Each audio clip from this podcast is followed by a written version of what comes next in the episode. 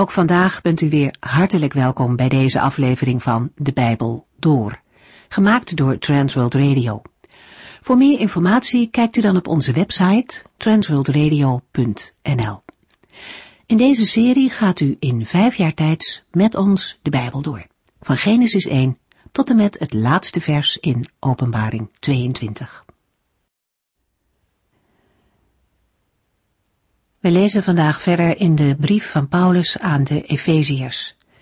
In hoofdstuk 4 zijn we aangekomen bij wat praktische opmerkingen van de apostel. Hij heeft uitgelegd dat het oude leven zonder Christus bepaalde kenmerken heeft, maar dat geldt ook voor het nieuwe leven met Christus. De apostel vergelijkt het met het wisselen van kleding. De oude kleren worden vervangen door nieuwe, en dat is zichtbaar voor de omgeving. Het begint in het denken. Dat ondergaat een vernieuwing, wanneer mensen een nieuw leven met God beginnen.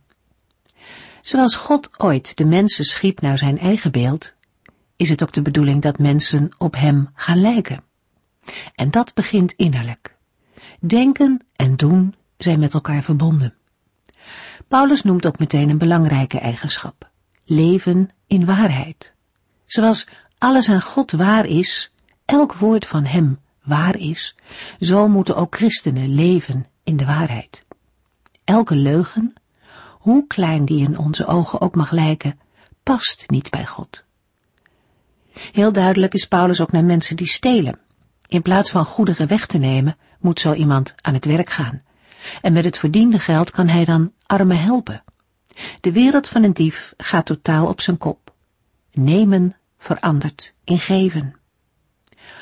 Ook de woorden, de dingen die we zeggen, die doen ertoe. Het gaat er niet alleen om wat we niet moeten zeggen, maar er zit ook een actieve kant aan. Vuile taal hoort niet bij het nieuwe leven. Ook daar moeten we mee stoppen. Het is duidelijk en misschien niet al te moeilijk. In het vervolg ligt een flinke uitdaging. In plaats van alleen maar over koetjes en kalfjes te babbelen, hebben christenen meer te zeggen. Er moeten goede en wijze woorden komen die genade brengen aan iedereen die ze hoort. Woorden die andere mensen goed doen, die hen opbouwen, de weg wijzen. Daar hebben mensen behoefte aan.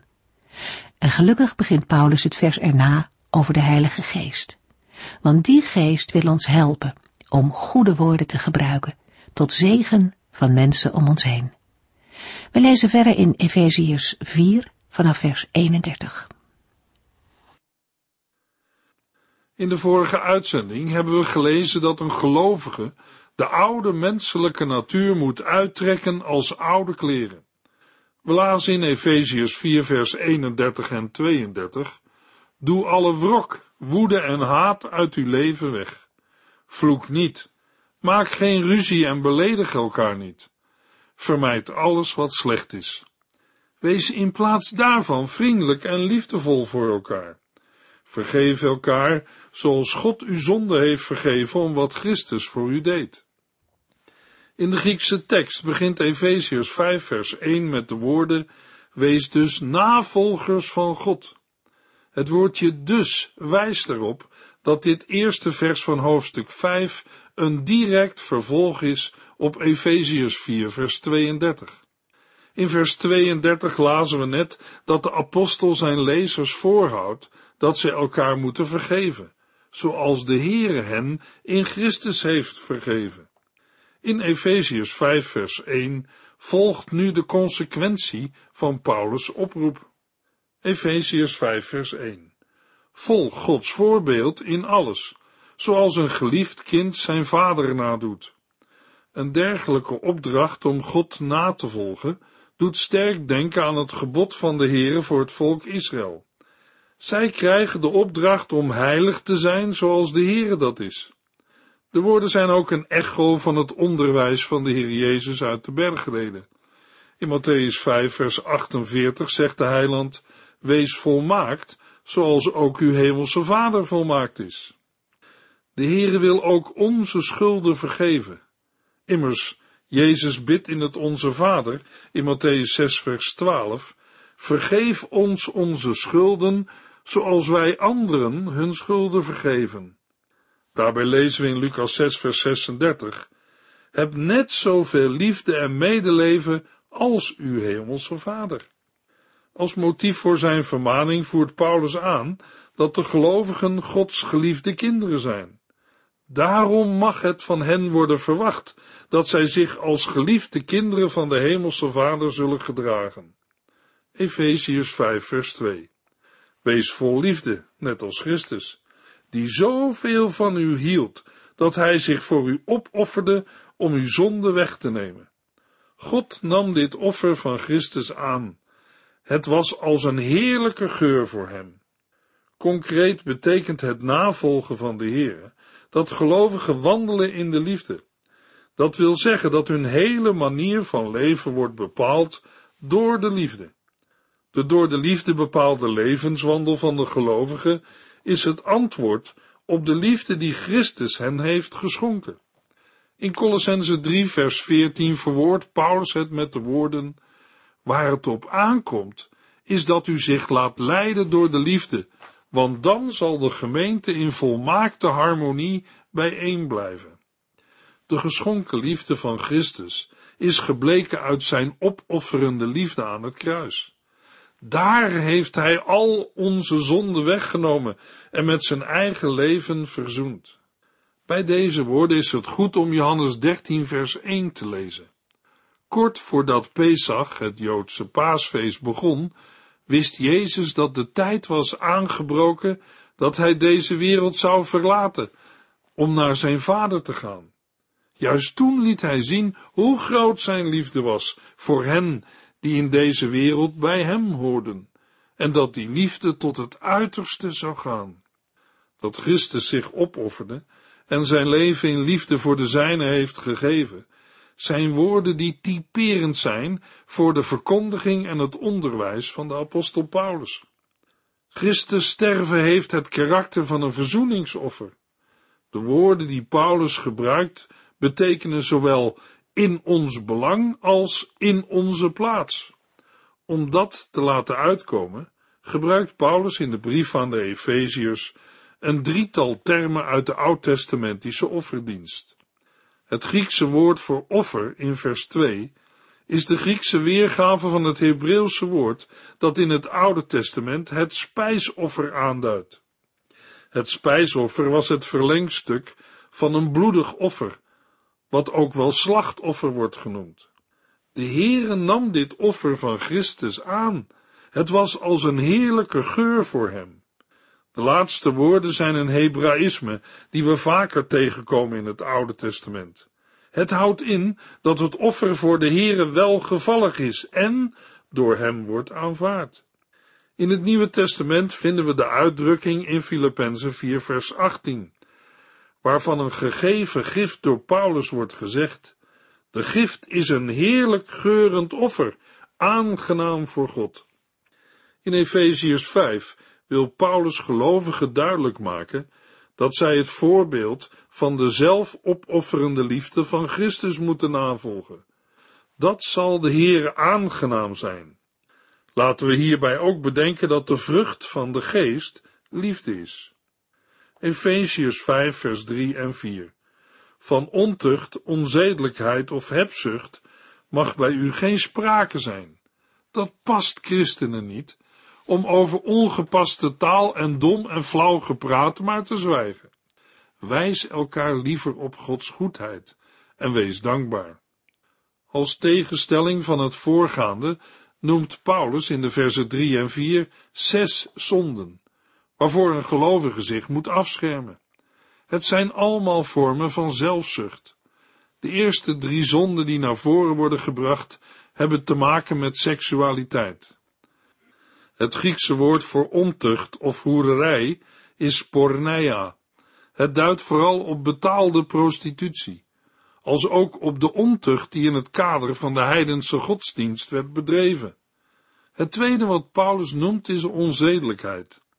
Het staat voor alle soorten van onreinheid en heeft een meer algemeen karakter. Net als in Efesiërs 4 vers 19 gaat het hierbij om allerlei onwettige en verwerpelijke handelingen op seksueel gebied. Het is mogelijk dat Paulus een gedeelte uit Leviticus 18 voor ogen heeft gestaan. Als derde noemt de apostel ook de hebzucht. Dat doet in eerste instantie wat vreemd aan. Toch is er een verband aan te wijzen met Efeziërs 4 vers 19.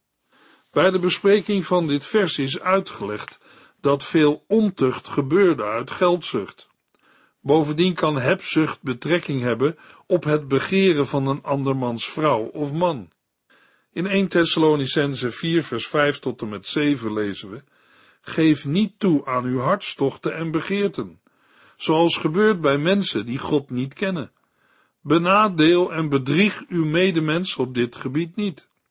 Wij hebben u gewaarschuwd dat als u zulke dingen doet, de Heer u daarvoor zal straffen. God heeft ons niet tot losbandigheid geroepen, maar tot een leven dat hem is toegewijd. Ook de apostel Petrus schrijft over deze zaken in 2 Petrus 2. Hij schrijft over hen die zich aan hun schaamteloze hartstochten overgeven. Iets verderop in vers 14 schrijft Petrus, ze zijn altijd op zoek naar vrouwen die met hen naar bed willen. Ze krijgen nooit genoeg van de zonde. Ze verleiden mensen die niet zo vast in hun schoenen staan. Hun hele leven wordt beheerst door de hebzucht, maar zij zullen niet aan de straf ontkomen. Paulus geeft in Efeziërs 5 vers 3 aan dat dergelijke onheilige zaken voor gelovigen of christenen ongepast zijn.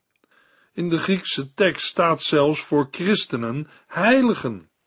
In Christus is iedere gelovige een heilige. De genoemde zaken zijn onheilig, ze horen niet bij heiligen. De zonden die beschreven worden, zijn zaken die ongelovigen kenmerken. In Efeziërs 5 vers 4 wordt het tweede drietal zonden genoemd, waarvoor de gelovigen zich moeten hoeden. Ze bestaan uit bepaalde zonden van de tong. Het sluit aan bij Efeziërs 4 vers 29, waar staat, laat er ook geen vuile taal uit uw mond komen. Dat doet alleen maar kwaad. Paulus noemt als eerste ongepaste taal. Het is de vertaling van een Grieks woord dat schandelijkheid betekent. In andere vertalingen vinden we oneerbare of dubbelzinnige taal. We moeten daarbij concreet denken aan platvloerse taal, schuine moppen en dubbelzinnigheden, zoals die toen onder de gewone mensen nogal in trek waren. In de blij- en volksspelen uit die dagen werden dergelijke dingen veelvuldig gebruikt. Verwant aan de ongepaste taal is het dwaas en inhoudsloos gezwets, of met andere woorden, dom gepraat.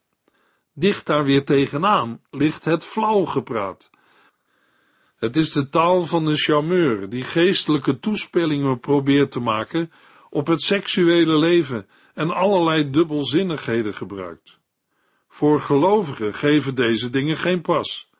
Ze getuigen van een verkeerde levensinstelling. Vooral tegenover deze dubbelzinnige grappenmakerij stelt Paulus: wijs elkaar liever op Gods goedheid en wees dankbaar. Dat is het waardige antwoord van een mens op de genade van de Heere. Het staat voor een leven waarin een mens de Heere ziet en dankt als gever van alle goede dingen. Voor christenen of gelovigen is dat een veel betere en gepaste levensinstelling. Het past bij heiligen in Christus. Efeziërs 5 vers 5 U moet goed weten dat in het koninkrijk van Christus en God geen plaats is voor mensen die ontuchtig, losbandig of hebzuchtig zijn. Hebzucht is het dienen van een valse God. In vers 5 en 6 laat Paulus onomwonden blijken hoe hoog hij deze dingen opneemt. Hij voelt zich geroepen de gelovigen ernstig voor de genoemde zonden te waarschuwen. In 1 Corinthians 6, vers 9 en 10 klinken dezelfde waarschuwingen. Mensen die vrije seks voorstaan, afgoden dienen, overspel plegen of zich met homoseksuele en pedofiele praktijken inlaten, blijven buiten het koninkrijk van God. Dat geldt ook voor dieven, gierigaards, dronkaards, roddelaars en oplichters. Ook in Gelaten 5 worden deze waarschuwingen herhaald. Ook daar zegt de apostel, ik heb u al eens eerder gezegd, dat mensen die dat soort dingen doen, het koninkrijk van God niet zullen ontvangen. In Efeziërs 5 heeft de waarschuwing van Paulus heel direct betrekking op de zonden die hij in vers 3 heeft genoemd. Gelukkig is de oproep van het evangelie om met deze zonde te breken en zich te bekeren tot de levende God. Maar wie een loopje met de Here neemt en denkt dat het allemaal nog wel mee zal vallen, komt bedrogen uit. Paulus verkondigt namens de Here, wie volhardt in deze zonden en weigert de Here te gehoorzamen, sluit zichzelf buiten het koninkrijk van God. Om zijn waarschuwing kracht bij te zetten, beroept Paulus zich op de kennis die de gelovigen al bezitten. Voordat zij werden gedoopt, hebben zij onderricht over het geloof ontvangen. Uit wat hun toen is bijgebracht en verteld, moet hun bekend zijn dat geen ontuchtige, losbandige of hebzuchtige een plaats heeft in het koninkrijk van God. Wie dergelijke dingen doet, is een dienaar of aanbidder van afgoden. Ook ontucht en seksuele onreinheid hebben voor Paulus hetzelfde gewicht als het aanbidden van de afgoden. Luisteraar, mogelijk dat u bij deze verse uit de Bijbel de schrik om het hart slaat. Waarom? Omdat u in uw eigen leven deze zonde herkent en terugvindt. En de grote tegenstander van God is er als de kippen bij om uw verlorenheid en zondigheid te bevestigen. Denk maar niet dat Gods genade voor u is.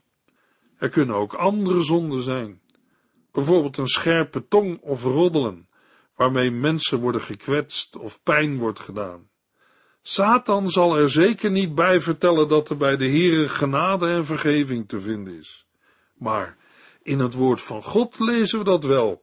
Als wij onze zonde beleiden, dan is de Heere trouw en rechtvaardig om ons om Christus wil onze zonde te vergeven. Als een mens dat heeft ervaren, dan wil je niet meer zondigen. Efeziërs 5, vers 6 en 7. Laat u niets wijsmaken door hen die proberen zulke zonden goed te praten. Want God zal mensen die dat soort dingen doen, vreselijk straffen. Ga zelfs niet met zulke mensen om. Met de waarschuwing in vers 6 grijpt Paulus terug op vers 4 van zulke lege en ongepaste taal, als hij daar noemt, gaat voor een natuurlijk mens blijkbaar een bepaalde bekoring uit. De gelovigen moeten daarvoor op hun hoede zijn. Ze moeten zich ook geen rad voor ogen laten draaien door mensen die stellen dat, nu ze eenmaal gelovigen zijn, hun levensstijl er niet meer zo toe doet en dat al de dingen die zijn genoemd niet zo erg zijn. In de brief van Judas, een broer van Jezus, lezen we in Judas 1 vers 4. Ik zeg dit omdat er onbetrouwbare mensen zijn binnengedrongen die beweren dat wij er maar op los kunnen leven. Volgens hen is Gods genade zo groot dat hij alles door de vingers ziet. Het staat al lang vast dat mensen die dit zeggen en toepassen, daarvoor veroordeeld zullen worden. Zij weigeren Jezus Christus als leider en Heer van hun leven te erkennen. Ook dergelijke beweringen bestaan uit lege woorden. De gelovigen moeten zich niet op een dwaalspoor laten brengen, want juist om al die dingen komt de toorn van God over degene die ze doen.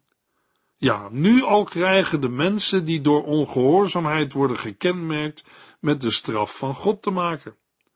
Over het oordeel dat nog komt, lezen we meer in 1 Thessalonicense 1 vers 10. In 1 Thessalonicense 5 vers 9 en 10 lezen we, want God heeft ons niet bestemd om door hem bestraft te worden, maar om gered te worden door onze Heer Jezus Christus. Jezus is voor ons gestorven, om ons voor altijd met hem te laten leven.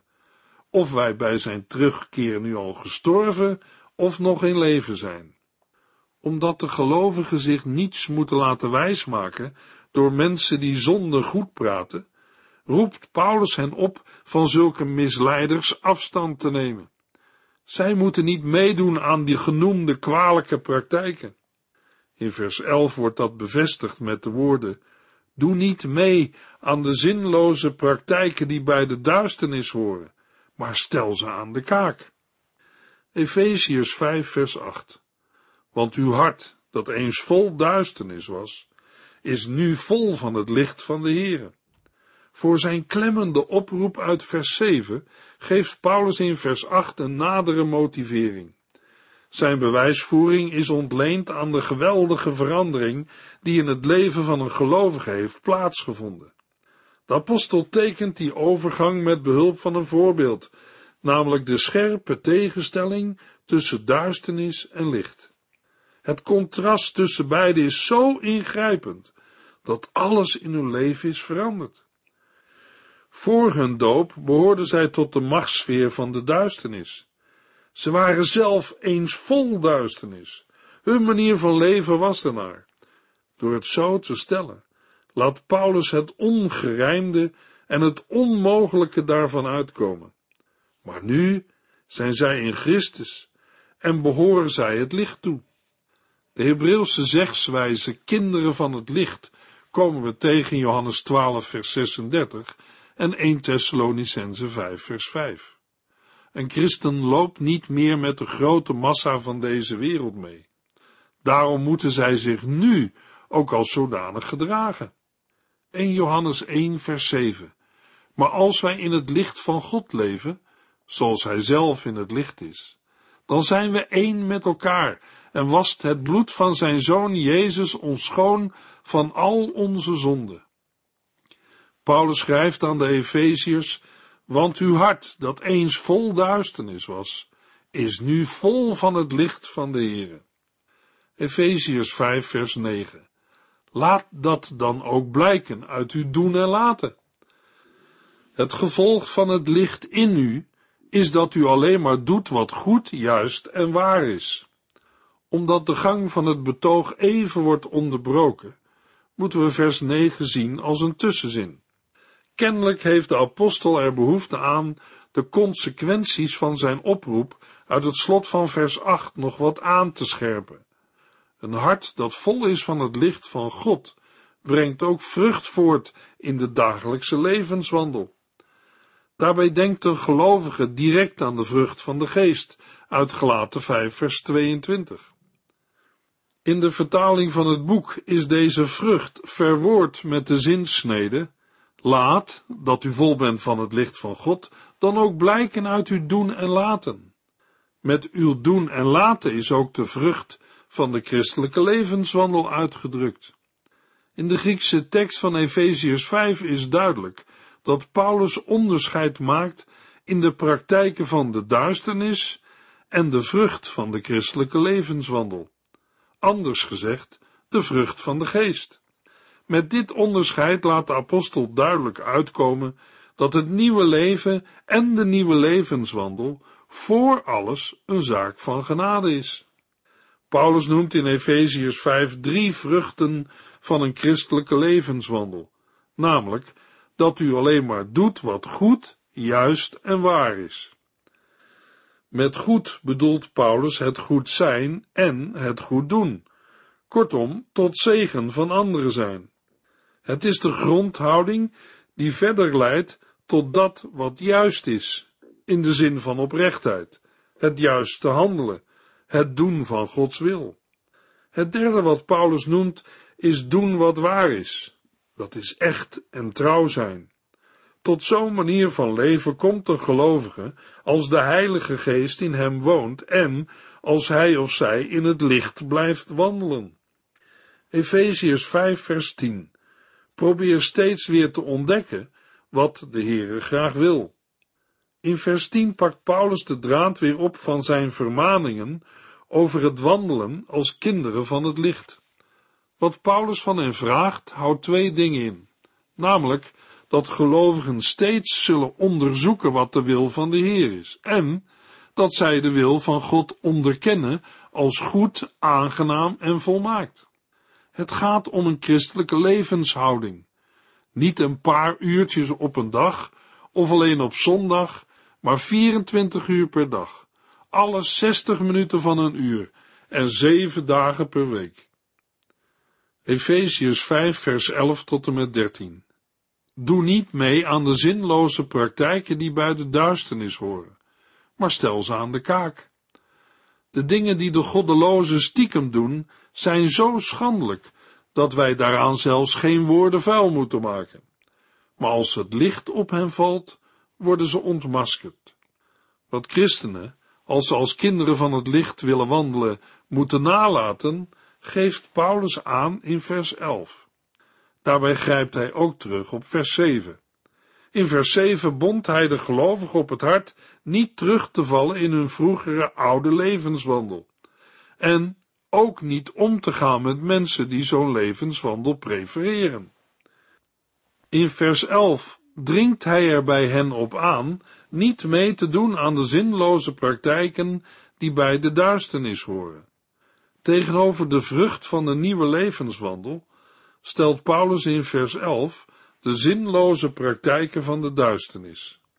De enige juiste houding tegenover deze dingen is ze aan de kaak te stellen en te ontmaskeren als zinloze praktijken. Gelovigen moeten nagaan en toetsen van wat de Heere graag wil. Als de ene gelovige een andere gelovige ziet zondigen, moet hij niet de ogen sluiten, maar zijn broeder of zuster waarschuwen en terechtwijzen. Het is noodzakelijk dat de zinloze praktijken van de duisternis aan de kaak worden gesteld. Dat blijkt daaruit dat die zinloze praktijken zelfs te schandelijk zijn om erover te praten. Zelfs het praten over deze dingen is al onbehoorlijk. Met stiekem wil Paulus niet zozeer zeggen dat dergelijke onbehoorlijkheden in het geheim plaatsvinden, als wel dat ze het daglicht niet kunnen verdragen. Laten we bedenken dat duisternis niet wordt verdreven door bijbelstudies of zondagse preken, maar door licht. In de volgende uitzending lezen we Efeziërs 5, vers 14 tot en met 20. U heeft geluisterd naar De Bijbel Door, in het Nederlands vertaald en bewerkt door Transworld Radio. Een programma waarin we in vijf jaar tijd de hele Bijbel doorgaan. Als u wilt reageren op deze uitzending of u heeft vragen, dan kunt u contact met ons opnemen. Tijdens kantooruren kunt u bellen op 0342 478432. 0342 478432. Ook kunt u een e-mail sturen naar de Bijbel door at transworldradio.nl en natuurlijk kunt u ook via de post ons bereiken. TWR, postbus 371, postcode 3770, AJ in Barneveld. Dit programma werd gepresenteerd door Cor Weda en Ike André. Techniek was in handen van Odin van Voerkom. En wij allemaal bedanken u voor het luisteren. Graag tot de volgende keer.